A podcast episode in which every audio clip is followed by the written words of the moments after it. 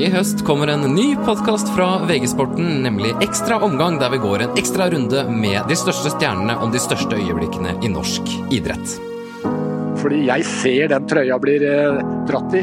Jeg rakk til og med å tenke at det er jo egentlig straffespark, men det er jo ingen som blåser for det. Det ble en sånn der eh, utenfor seg selv-opplevelse, egentlig. At du står utenfor og ser på. For altså, man tror jo ikke at man skulle vinne det OL-gullet. Det er ikke ofte jeg er irritert, men jeg kan bli, kan bli irritert. Og jeg var jo ikke irritert på noe annet enn meg sjøl. Vi eh, var begge fra Norge, og eh, vi følte det veldig sterkt på hverandre. Jeg har ikke blitt skjelt ut så mye siden jeg var liten gutt og uskikkelig hjemme.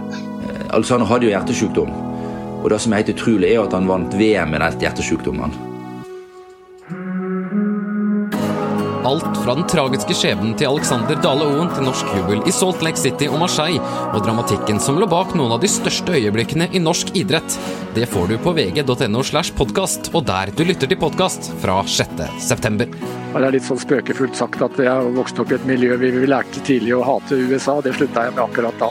Jeg sjokkerte meg sjøl òg, fordi at uh det var ikke en etappe som passa meg i det hele tatt på papiret. Det er på en måte som om Vazelina Bilopphuggers skulle gjort det kjempebra i et eller annet. De, de var forbannet, for de følte seg ikke velkomne.